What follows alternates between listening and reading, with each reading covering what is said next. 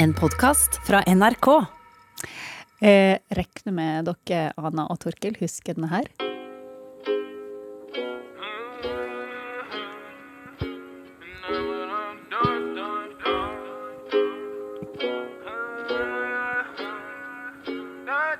Yeah, I'm gonna take my horse to the old town road. I'm gonna ride till I can't no more.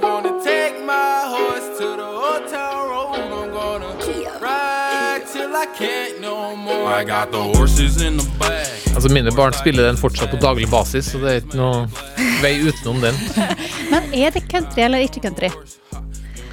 Det, det er country, men du må ha med noen skråstreker der. Anna? Ikke bare Jeg country. vet ikke, jeg er ikke, jeg er ikke så opptatt av eh, å finne ut om det er country eller ikke. Men fengende, det var det. For det, altså, Lil Nas X sin Old Country Road den toppa Billboard i 19 uker og kom på både country- og R&B-lista. Men det at den var på den det fikk så vanvittig mange reaksjoner at dette her skjedde. That Ain't Country was just a tiny part of the backlash against Lil Nas. And eventually, Billboard pulled Old Town Road from the country category. It did not contain, quote, enough elements of today's country music. Lil Nas X was officially not country. Billboard trakk deg ifra countrylista. Huh. Det er ganske interessant, fordi det er jo en sånn uh, veldig sånn sterk statement, egentlig. Ja, og, og dette her skal vi komme mer inn på senere, for dette her var jo et lite klipp fra podkasten Into the Zone, som vi skal snakke mer om i dag, der ett av temaene som blir tatt opp, er rett og slett hva er autentisk country? Dessuten så skal jo vi snakke om at musikk Bli mer country! Ja, rett og slett. Fordi Willy Nelson, hva har han gjort? Han har skrevet bok sammen med søstera si. Og da blir jo det både underholdende fortelling om søskenkjærlighet og ekte musikkglede. Og hva annet skal vi høre om i dag? da? Jeg, det blir jo snakk om ett country, da. Altså historien til En viktig del av historien til USA, som jeg mener fortsatt uh, har relevans for 2020. Spennende.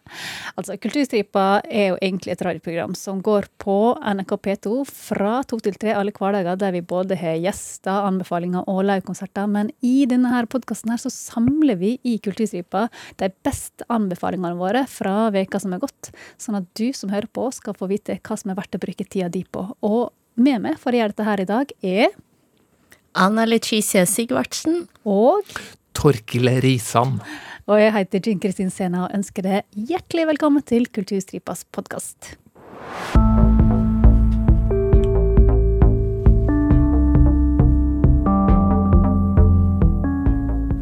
Og Ana, jeg tenkte vi skulle rett og slett bare begynne rett på det og Willy Nelson. Ja, jeg har uh, lest en liten bok som jeg ble så begeistret for. Uh, det var rett og slett eh, både rørende, morsom, eh, underholdende, ikke minst. Eh, ja, og det er da Willie Nelson, en, en musikklegende. Jeg vet ikke hva dere Altså, jeg, jeg hadde ikke tenkt så mye på Willie Nelson eh, de siste årene, egentlig. Men hva med dere? Jeg føler han eh, streifer gjennom hodet mitt både ny og ne, må jeg innrømme. Det, det, kanskje liksom... Du hadde ikke glemt han? Nei, jeg syns han er så Han virker så utrolig koselig at det er vanskelig å glemme han. Han er jo eh, stadig brukt som en sånn eh, referansepunchline hvis det er snakk om marihuana. Altså Weedy Nelson, eller altså han, han Veldig engasjert i den dyrker saken. jo sine egne saker, eh, så det blir ofte referert til. Men altså, musikken, da, da er det noen klassikere jeg sverger til. Eh, Always On My Mind, for eksempel. Ja, altså jeg, ja, jeg har aldri vært noen eh, Altså jeg er ikke noe imot han, men jeg har aldri vært noen stor fan av han. Men jeg vokste jo på 80- og 90-tallet og husker godt eh, de lange flettene, og han smil jo alltid så sympatisk. Eh, men, og, og jeg har aldri tenkt på han engang som yngre mann. I hodet mitt så har han alltid vært litt sånn Ja. over Det er sant, 60. Ja, ja. ja. Litt sånn som Kjell Magne Bondevik alltid har vært 52. ja. Det er noen som bare alltid er gamle. ja, ja. Men shocker, han har vært uh, en gang. Ja, det krever jeg se bevis for. Det er litt som du, Folk sier at det finnes duebabyer, men jeg har aldri Nei, sett nei. en. Men altså Men Willie Nelson har gitt oss låter som Crazy og On The Road Again, men også kjente versjoner av Always On My Mind, City of New Orleans, for å nevne noen. Og han har også vært med i mange filmer, han har skrevet bøker. Han har skrevet romaner, selvbiografier, og han har skrevet en bok om biodrivstoff, fant jeg ut. Eller Nei, bok og oi. bok, en liten sånn en, en kort sak om eh, biodrivstoff. Eh, og så er han aktuell nå med boka som da heter Me and Sister Bobby, True Tales of the Family Band. Og Sister Bobby er ikke en nonne, det er søstera hans Bobby. Og jeg har da skjønt på det, Anna, at dette her er en litt eh, annerledes eh, biografi, på en måte. Ja, det, er, det som er spesielt, er at uh, altså eh, Det heter Me and Sister Bobby, så det er naturlig å tenke at her er det Willie Nelson som forteller om sin søster og Men, men den er bygd opp med sånn i korte kapitler hvor eh, alle kapitlene heter enten sister eller brother. Og når det er brother, så er det Willie Nelson som forteller, og når det er sister, så er det Bobby Nelson som forteller noe. Um, Så den kunne kanskje egentlig like gjerne ha hett eh, Brother eh, Willie Det- og Sister Bobby. Ja, det kunne faktisk det. Men uh, også, altså vet, altså, De har et veldig spesielt forhold. Jeg føler nesten at hovedpersonen egentlig er søstre. Men vi kan høre han, hva han sier om det. I've written a few books before myself, but there's one that passed me by, probably passed me by because the heroine is too humble to demand attention. And the heroine is my sister Bobby. Bobby's got the best story in our whole family, but to tell it right, I needed Bobby by my side. I needed Bobby to tell it herself. And it's our good fortune that Bobby has agreed. Without my sister, I'd never be where I am today. I've always needed her. Oi, uten Fint. søstre Ja, så er hadde han aldri fint. vært den han er i dag. Ja, det er veldig fint, og, og som han sa her, så har hun den mest spennende historien i familien, ifølge han, og jeg er ganske enig etter å ha lest boka. Hun er en veldig spennende historie. Og det er jo Willie Nelson som leser det sjøl. Ja, han leste det selv her, og hun leser også sine egne kapitler i, i lydbok. Hva er alderen på, på Han er nå sikkert godt over 80 Han nå, er, jeg. jeg tror at hun er, hun er to år eldre enn han, så jeg tror hun er sånn 89 nå, han er 87. De er i hvert fall i slutten av er 80-årene begge to. saftig. Men hvordan er det Ja, det er ganske saftig. Og, og da lurer jeg på, altså, er vi med deg helt fra fødselen til Ja, mer eller mindre. Fordi det begynner liksom eh, Det begynner med barndommen. Uh, og jeg tror da Willie Nelson var sånn to år gammel eller noe sånt, og det skjedde noe veldig dramatisk med disse to barna. At foreldrene eh, bare Det skjedde veldig mye i livet til foreldrene, så de var jo ikke til stede. De bodde sammen med bestemor og bestefar. Eh, Så de var jo forlatt av foreldrene, og de kommer tilbake senere i livet, eh, denne moren og faren. Men eh, Bare, bare den, det er der, altså, De er vokst opp som besteforeldrene, sier du, og de besteforeldrene må jo da være født på 1800-tallet. Tenk Så at liksom du, så de har skrevet boka, de du leser boka over 2020, de har vokst opp med folk som født på 1800-tallet. Det er ganske sånn langt tidsspenn, det der. Ja, ja, men altså disse, altså disse besteforeldrene også er Jeg blir så begeistret spesielt for mamma Nelson, som er Nelson. Mamma Eh, Nelson. Fordi hun blir så viktig i, for eh, Willy og Bobby. For, og hun er så sterk, og de beskriver henne som sånn Hun er en slags klippe i, for, for dem, da. Og hun er hel ved.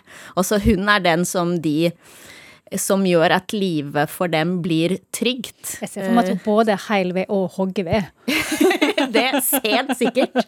Uh, men, men, og dette her var jo i en tid da Altså, de, jo, de hadde ikke så mye penger.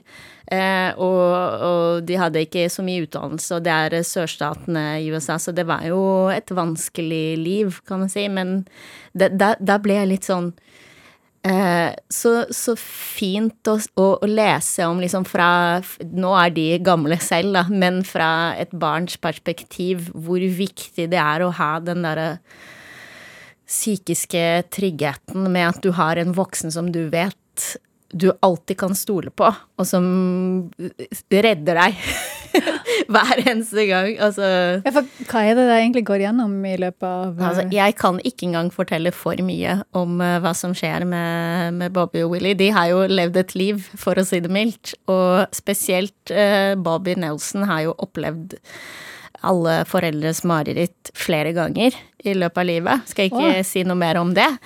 Men, eh, og hun har vært i noen veldig sånn, eh, kall det stormfulle forhold. Hun hadde også en mann som var alkoholiker. Hun fikk tre barn i løpet av tre år eller noe sånt da hun var ganske ung. Eh, Og har jo vært hatt et, en drøm om å være profesjonell musiker, og, ha, og ut fra det jeg leser i denne boka, har alltid vært veldig begavet som uh, musiker. Men det var ikke lett for en uh, eh, alenemor eh, omtrent til tre barn på 50- og 60-tallet å leve, og spesielt noen fra, som kommer fra et veldig sånn religiøst eh, miljø, og, og, og, og tjene penger som musiker som spiller på bars og den slags. Så hun måtte Hun sleit en del. For hvor godt føler du at du nå har blitt kjent med de to etter å ha lest boka? Altså, jeg, jeg føler at jeg blir eh, Det jeg liker med denne boka, da, det er flere ting. Den ene er det der grepet med at de forteller eh, i hvert sitt kapittel, og de er ganske korte. Og, og det er så mange sånne cliffhangers, spesielt i, eh, med Bobby. Eh, at, at det er, det er et eh, Det er så underholdende. Så du Så du blir drevet framover hele veien? på en måte? driver fortellingen fremover. Så det er jo veldig vellykket. Eh, og så liker jeg at det er veldig sånn muntlig skrevet. De har skrevet denne boka, det må jeg nevne, sammen med en som heter eh, David Ritz.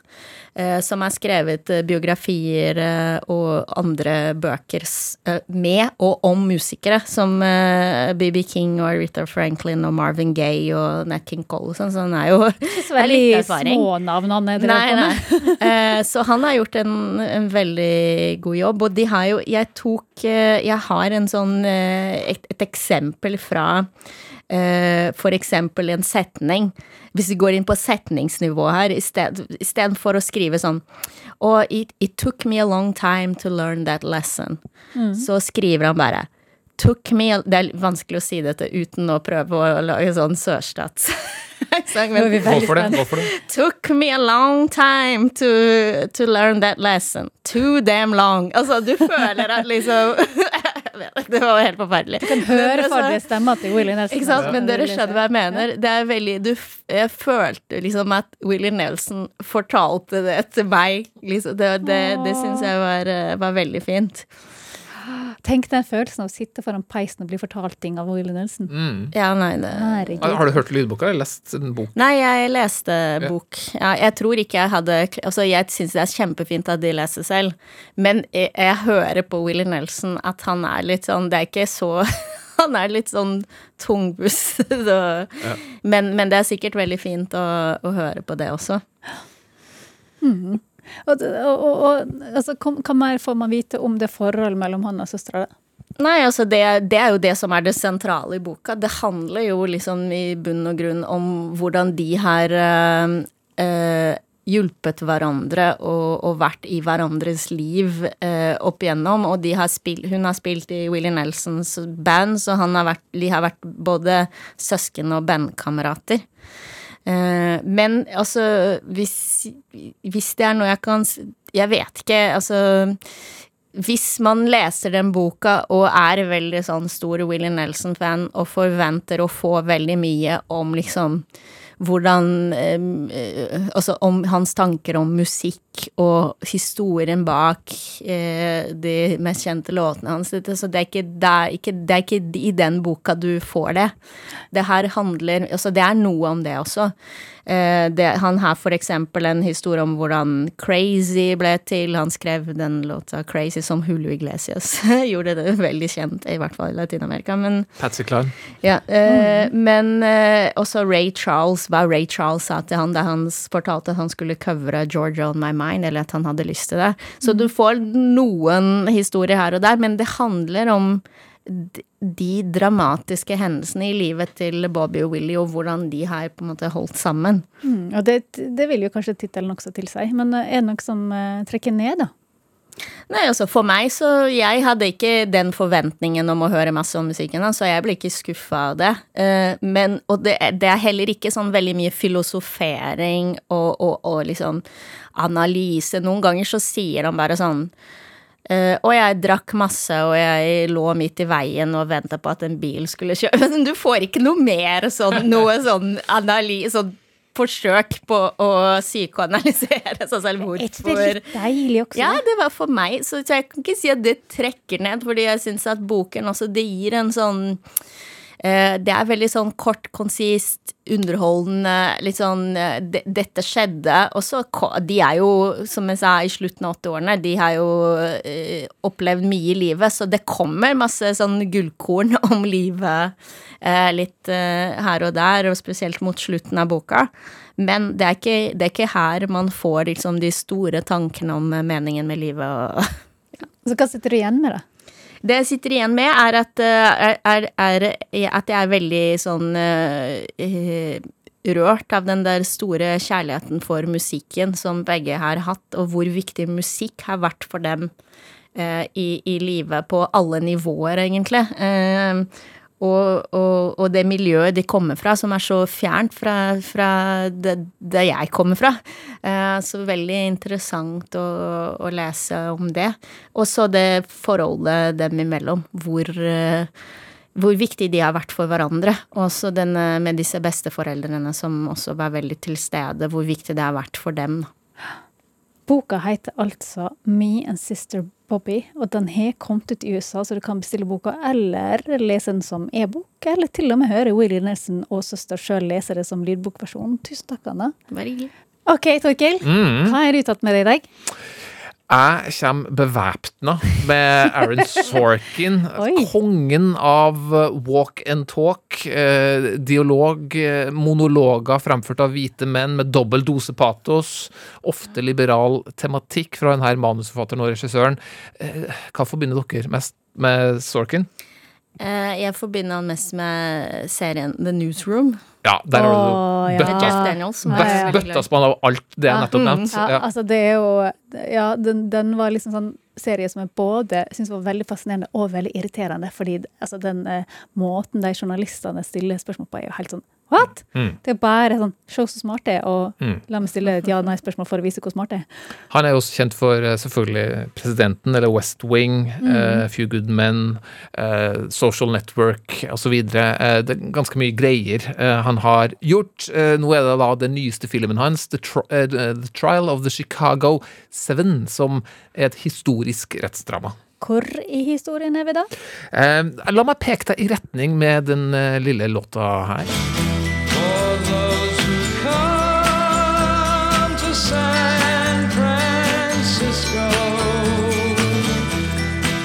Oh, oh, oh, kan jeg gjette? Kan jeg gjette? Kan? Ja, du kan gjette.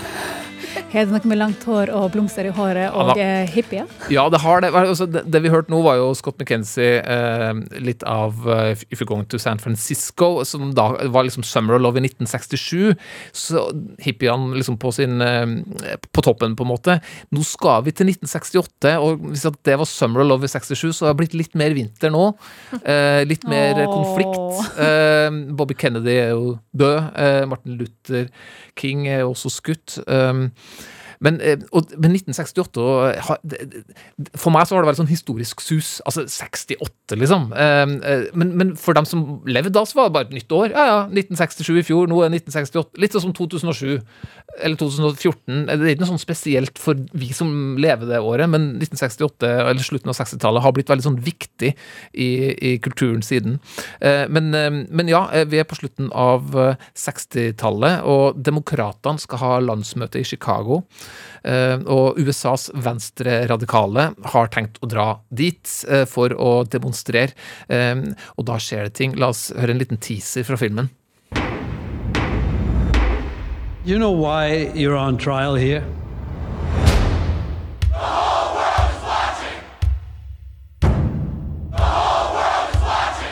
You all right? I was until I saw that.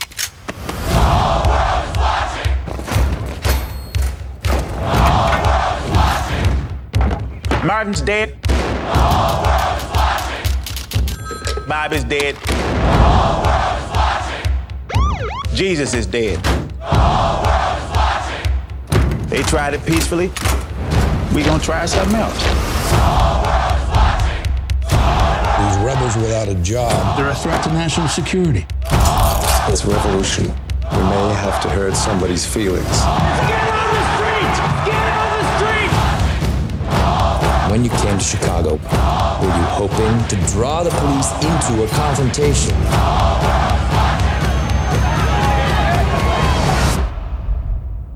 I'm concerned you have to think about it.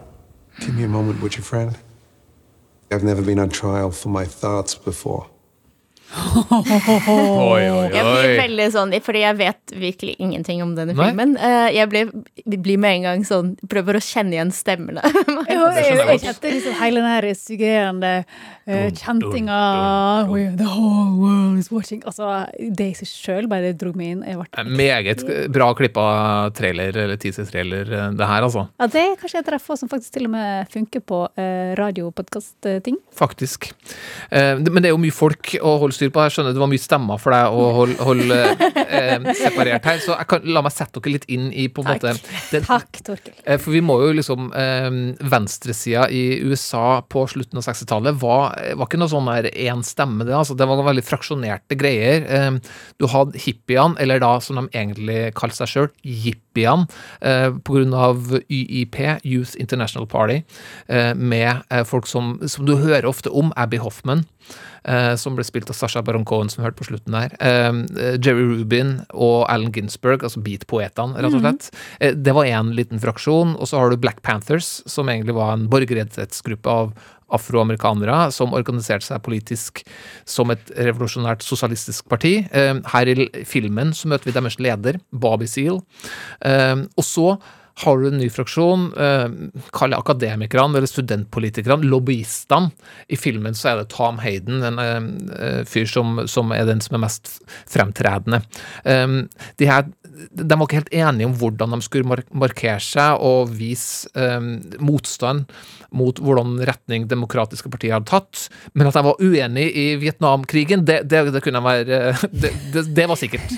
Eh, Så, så under det her landsmøtet i Chicago i 1968 så ble det voldelige sammenstøt, harde opptøyer.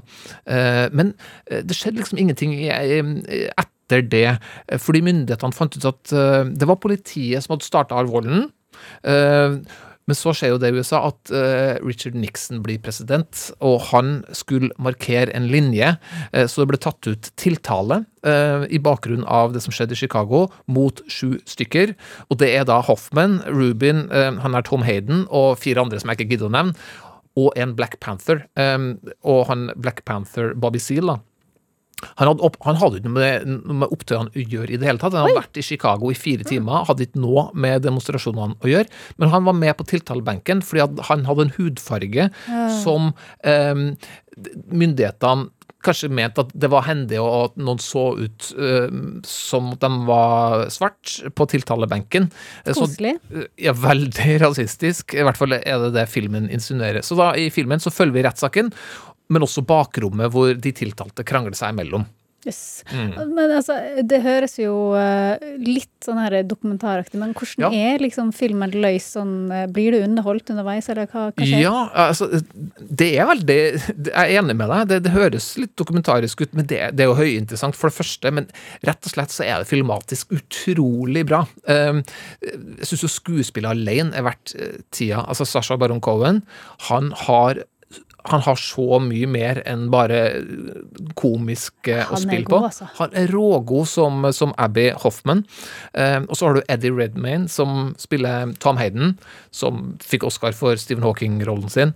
Eh, han er nydelig. Eh, han som nettopp vant Emmy for eh, sin rolle i Watchmen, Yaya Abdul Mateen eh, II, som spiller Bobby Seal. Også helt sånn eh, nydelig. Så har jeg en sånn spesiell eh, greie for en som heter Mark Rylance, som er en sånn karakterskuespiller, litt sånn, litt sånn eldre brite, som spiller eh, advokaten deres. Alt han gjør, alt han gjør, blir bedre fordi han er med. Han, han tilfører en sånn troverdighet, og han har sånn er noe med det lune smilet liksom sånn, ah, Han er så bra i alt han gjør. Og så har du en dommer her, eh, som er spilt av Frank Langella, som er han, han er så fryktelig at du, du bare sitter og hater deg, sitter og rister i kinosetet. For liksom bare, du er så dårlig fyr. Og det regner jeg med er pga. bra spill. Det er pga. bra spill, men også fordi at han var bare en ufyselig type. Men, og så er det jo da sømløst veldig klippa en tilbakeblikk fra selve demonstrasjonen og før demonstrasjonen, så du er liksom med i flere tidslinjer der. Eh, sånn at du får da bakgrunnen, sammen med at det her rettssalsdramaet utspiller seg. Og, og er det noen som kan å skrive rettssalsdrama, så er det jo selvfølgelig Aaron Sorkin.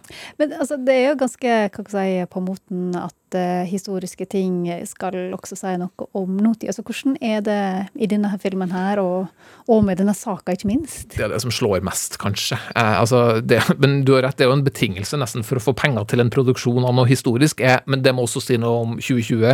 Eh, men eh, jeg vet ikke hva dere syns. Politivold, eh, systemrasisme, en splitta venstreside, en sittende regjering som går for populistiske tiltaler.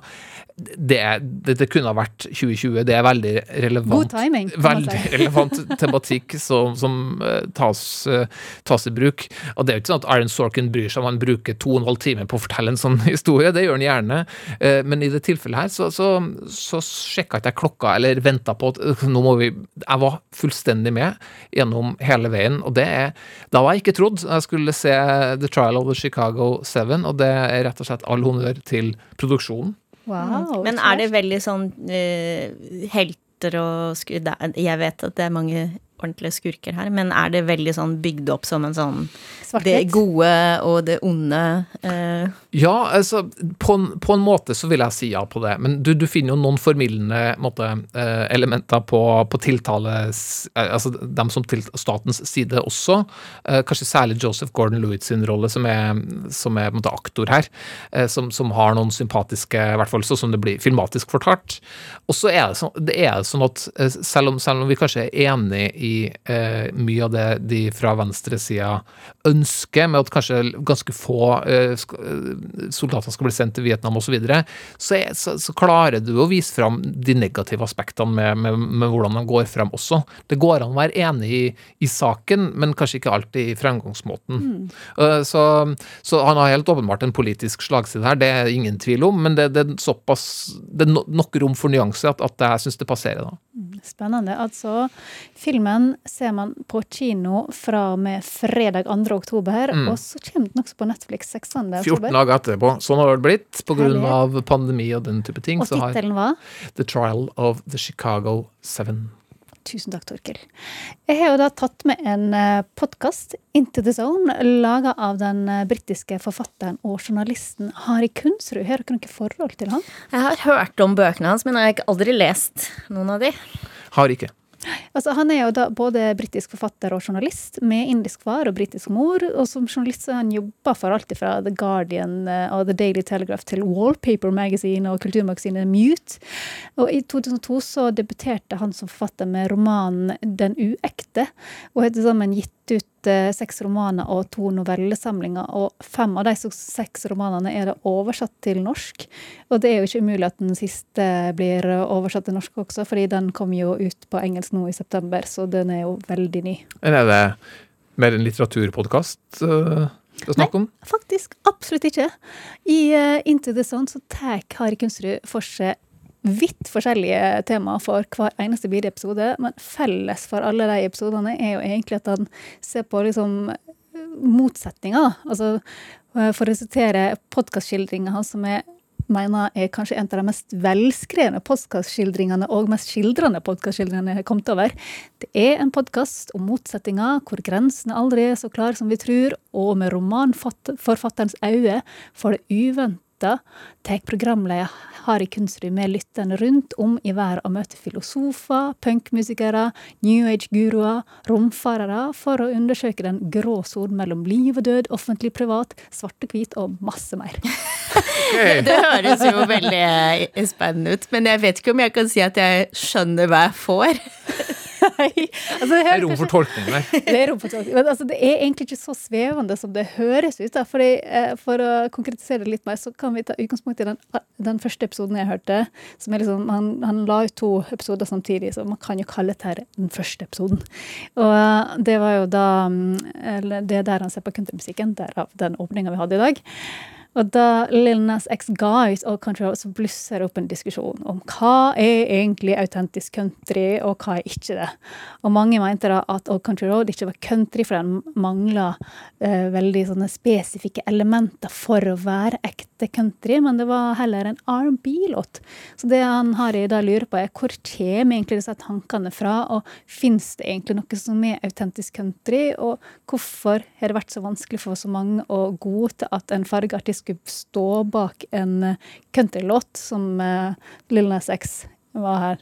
Og når Harry da går inn i det, så er han så vanvittig grundig. Altså, han har jo vært journalist, så det er jo ikke så rart. Men han dykker da langt ned i musikk- og kulturhistorie og snakker med masse forskjellige eksperter og gir oss det som for meg i hvert fall er veldig sånn overraskende opplysninger. Sånn som når 78-platesamler Chris setter på en veldig sjelden og gammel 78-plate med låta Rolling Stone med country bluesartist eh, Robert Wilkins. She's a rolling stone, she'll roll back home someday. Robert Wilkins is not the only early blues musician to have recorded a song with Rolling Stone in the title, but he's the one the English band called the Rolling Stones had to pay royalties. On the album Beggar's Banquet, there's a track called Prodigal Son. When it was released back in 1968, it was credited to Mick Jagger and Keith Richards. It's actually a pretty straight cover of a song by Wilkins that he'd been playing since the 1920s. After a long court case, the elderly bluesman finally got what he was owed. There are many stories like this. The British invasion bands of the 1960s, like Cream and Led Zeppelin, did a good job of repackaging country blues and selling it back to Americans with an English accent. Så Rolling Stones og mange andre britiske band tok rett og slett masse gammel amerikansk eh, blues og pakka inn på nytt med britisk aksent og solgte det tilbake til USA.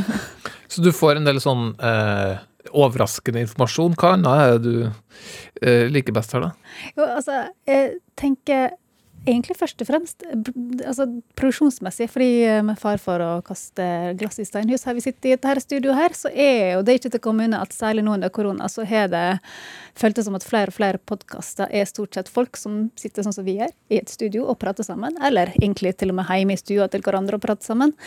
Og, eh, og er jo egentlig, altså selv om jeg liker veldig mange sånne podkaster også, så er det et eller annet med å være med ut i verden. Ja. Bli med og møte folk på forskjellige plasser og, og overalt, egentlig. Altså til og med, til og med ved disse her Stonehenge er vi plutselig. Og lyden av disse forskjellige scenarioene er så deilig, kanskje også særlig nå når, når vi ikke kan reise. Og Kunstrud i seg sjøl har en vanvittig god fortellerstemme, og han forteller så bra i bildet, kanskje også fordi han er forfatter. Men jeg tenkte vi kunne høre når han f.eks. besøker det lytterommet til eh, han eh, 78-platesamleren. Do you call it a listening room? What do you call this place? Yeah. Yeah, I can do more than listen here. Chris isn't lying. He won a Grammy in 2002 for his work compiling early recordings. He remasters old records for re release. This room is a shrine to the early years of recorded sound.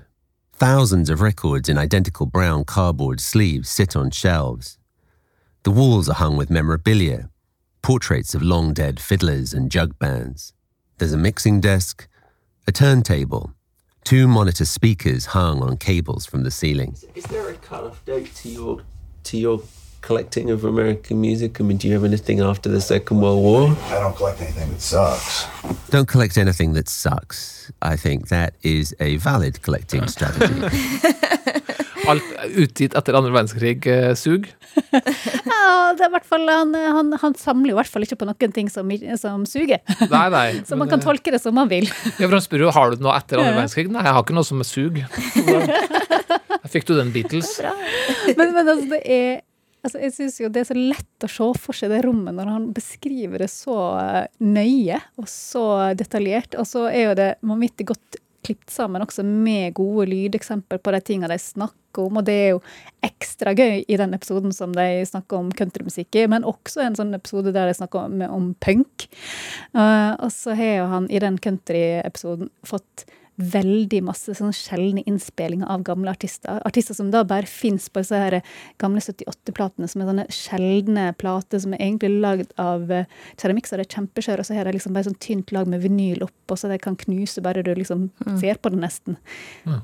Og, og, det er så masse utgivelser som er liksom såpass sjelden at han, han eh, platesamleren han har fått priser for de remasteringene han har gjort av sin kolleksjon, da, kan man si. Tror du Willie Nelson hadde likt å høre på den Mm. country-episoden? Og hvis han ikke liksom er så glad i country, så har han altså, som sagt innom, han er innom så mange forskjellige temaer, sånn som druider, altså de her gamle folka som eh, tror på ja, det, det er sånn overjordiske det, det tror på veldig masse rundt Stonehenge, da, kan man bare si. Og så hva det er å tro på Eller hva det er å tro på guruer har gjort med samfunnet vårt, er han innom. Og hvor kom den tanken om at hvis du bare tenker positive tanker, så vil du få til alt du vil? Og, Altså, han, han, han måtte utforske den Ja, ideen. ja. Ja. Og, og det som er så gøy, er at eh, uansett hva tema han går inn i, så syns jeg alltid det er kjempeinteressant. Og så begynner jeg alltid å filosofere videre på ting. Og så, eh, og så kan jo man på en måte Etter de første to episodene så kan man lure liksom på om man alltid kommer til å liksom dreie det tilbake igjen til rasisme og fordommer. Men eh, fordi han sjøl er liksom knytta til eh, både Storbritannia og India og har liksom slitt en del med de tinga der sjøl. Men jeg syns han virkelig liksom åpner opp for masse forskjellige veier i de påfølgende episodene. Og sånn som jeg, da, som er kanskje en over gjennomsnittet positiv person Jeg ble jo sjøl ganske skeptisk til den der LA-positivismen som han tar for seg i en av episodene, der eh, vi også får et sånn dypdykk i det han kaller for negativitetens konge, filosofen Adorno. Men er det noe rød tråd sånn eh, Eller det høres ut som han bare tar for seg vidt forskjellige ting. og- Altså, han tar for seg rett og slett Den røde tråden er vel nettopp det at uh, han tar for seg ting som er motsetninger kanskje i hodet vår, men som har så mange gråsoner at det blir masse Mm. mer nyansert. Og, og du, du sitter liksom igjen med at ting kanskje ikke er så svart-hvitt som mange tror etter hver eneste episode, rett og slett. Mm. Og det i seg sjøl er jo ganske nyttig i disse Mm. dager, tenker jeg. Og så må jeg bare si at eh, jeg har jo selvsagt måttet oppsøke masse av den musikken jeg snakker om i country-episoden, og har virkelig fått øynene opp for både duoen Amede Audouin og Dennis McGee, og masse mer. ja, for du hadde ikke det fra før? Nei. Nei. Hadde jeg ikke så sett Hadde du ikke det? Men Into the Zone finner man altså der man foretrekker å høre på sine egne podkaster. Men folkens, apropos country og musikk og sånt. eh, Anna, vi skal jo også ha ny musikk i dag, og jeg regner med du har tatt noe Willy Nelson, eller? Å, det er så mange Willy Nelson-låter jeg kunne tatt med. Men nei. eh, jeg har tatt med en kanadisk eh, singer-songwriter med colombianske røtter, som heter Oh. Jesse Reyes, som jeg tror du også, eller de, dere, kjenner til. Mm. Eh, hun har blitt nominert til en masse priser de siste årene, inkludert Grammy. Og så ga hun ut et nytt album i vår, eh, hvor hun blant annet samarbeidet med Eminem. Og nå har hun gitt ut to eh, sånn overraskelsesspor, eller bonusspor, jeg vet ikke hva jeg skal kalle det, til dette albumet som kom i vår. Og den ene syns jeg var veldig fin. Eh, ikke minst sånn tematikken her, 'No one's in the room', som jo er liksom 'Hvem er vi?' når ingen ser på. Mm, la oss høre.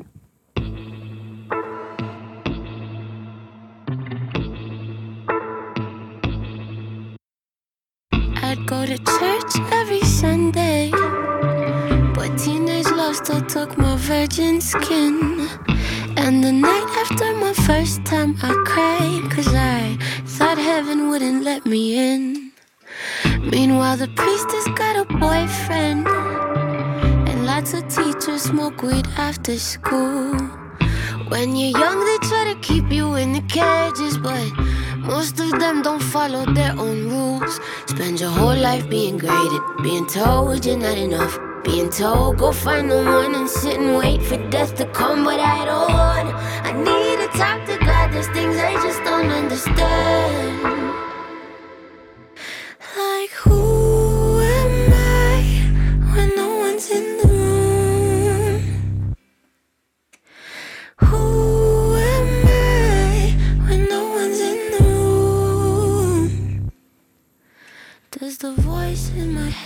Og et veldig viktig spørsmål der. Who am I when no one's in the room? Det var Ja, svar på det, dere. Answers on a postcard. Ok, Torkil. Hvem er du når ikke det er fattigrom, eller hva hører du på? Nei, et band jeg har hørt veldig mye på, eh, er The Shins. Med særlig James Mercer i front som en av mine favorittband. Eh, Fordi han Mercer har eh, en, jeg vil nesten si enestående popmeloditeft. Eh, Og pakker inn i det veldig ofte i, spennende eh, produksjon og litt forskjellige lyder, men i bånn er alltid den, den gode melodien. Um, så, så Shins kom en ny eh, låt på fredag, så det er en, det er en liten fest nå um, uh, for meg hver gang. Uh, og ja, uh, ikke noe unntak nå. The Great Divide heter det nyeste, som ja, også er, er, er Mercer kaller sitt bidrag til, til å spre litt mer varme i en ellers ganske kald eh, eh, periode. Starlit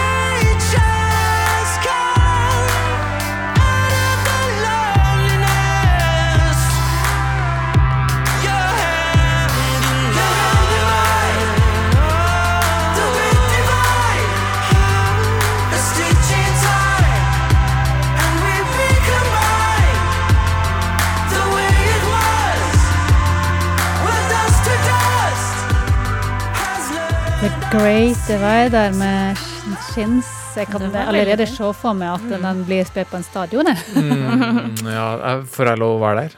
Ja, selvfølgelig. Altså, på grunn av korona så får du faktisk være der helt alene, eller med dine kjære. Eh, sant. Mm. Nei, jeg hadde en sånn eh, Jeg vet ikke hvorfor, men i 2012 så av en eller annen grunn så hørte jeg masse på The Shit. Eh, jeg husker ikke Det- hva albumet het. Det er alltid en grunn. Det, Det er fordi det er bra musikk. Men altså, det ligner også litt på Keen, som jeg også er veldig glad i. Så. Jo, jeg syns det. Det er liksom Mm, den stemningen der. Den der eh, Ja. de store store, stemninga. Store stemningen. Ok. Torkil likte ikke det, men jeg står for det. Da skal jeg lulle dere inn til slutt her. Fordi altså, Torkil, som du sa i forrige uke, så er det kanskje et eller annet med årstida, for jeg får så innmari lyst til å høre på musikk som føles som et varmt ullpledd. Ja. Vi kommer til å holde på med den noen uker framover. Og i går så lå jeg på sofaen og stirra ut i lufta og bare koste meg med del to av Gillian Welsh sine Lost Songs. Altså Del én ble sluppet i juli, og den gikk meg helt hus forbi. Og det kan jo være fordi det var sol, og jeg stort sett var utendørs og ikke hadde et behov for ullpledd. Men eh, nå i, så er det altså del to kommet, og den har absolutt ikke gått meg forbi. Og jeg har da tatt med meg Rambling Blade, Blade mener jeg, fra den siste plata som kom nå i september. Kan høre. I am the rake and a rambling blade, bound to dance in the hangman's shade where my scars white as lace. Save me a prayer and a resting place.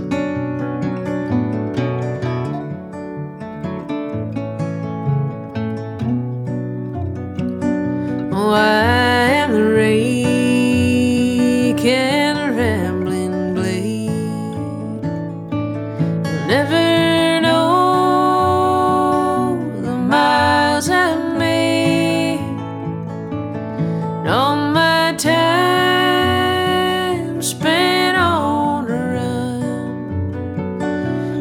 have no debts and a promise none.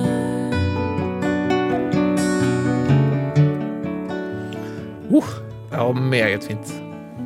Veldig, veldig fint. Brambling Blade med Gillian Welsh. Altså, og med dette her, lille, varme ullpleddet her, så tenkte jeg at vi kunne avslutte i dag, jeg. Mm. Så vi som har vært her og gitt eh, de anbefalingene i dag, er Anna Leiticia Sigvartsen og Torkel Risan, og er Jean Kristin Sena. Og hvis du er fornøyd med å høre på oss, så må du veldig gjerne legge inn en omtale eller hur.